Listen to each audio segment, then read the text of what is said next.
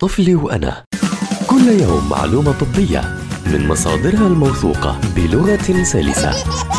طفلي وأنا عبر أجيال مع أخصائية الأطفال وحديثي الولادة سما برغوثي.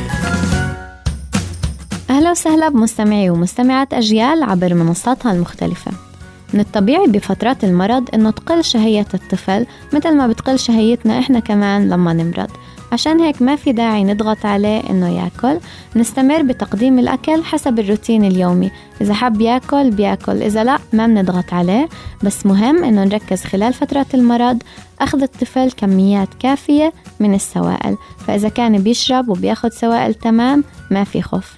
استنوني بحلقة جديدة من طفلي وأنا حتى نحكي عن أمور بتتعلق بصحة الطفل.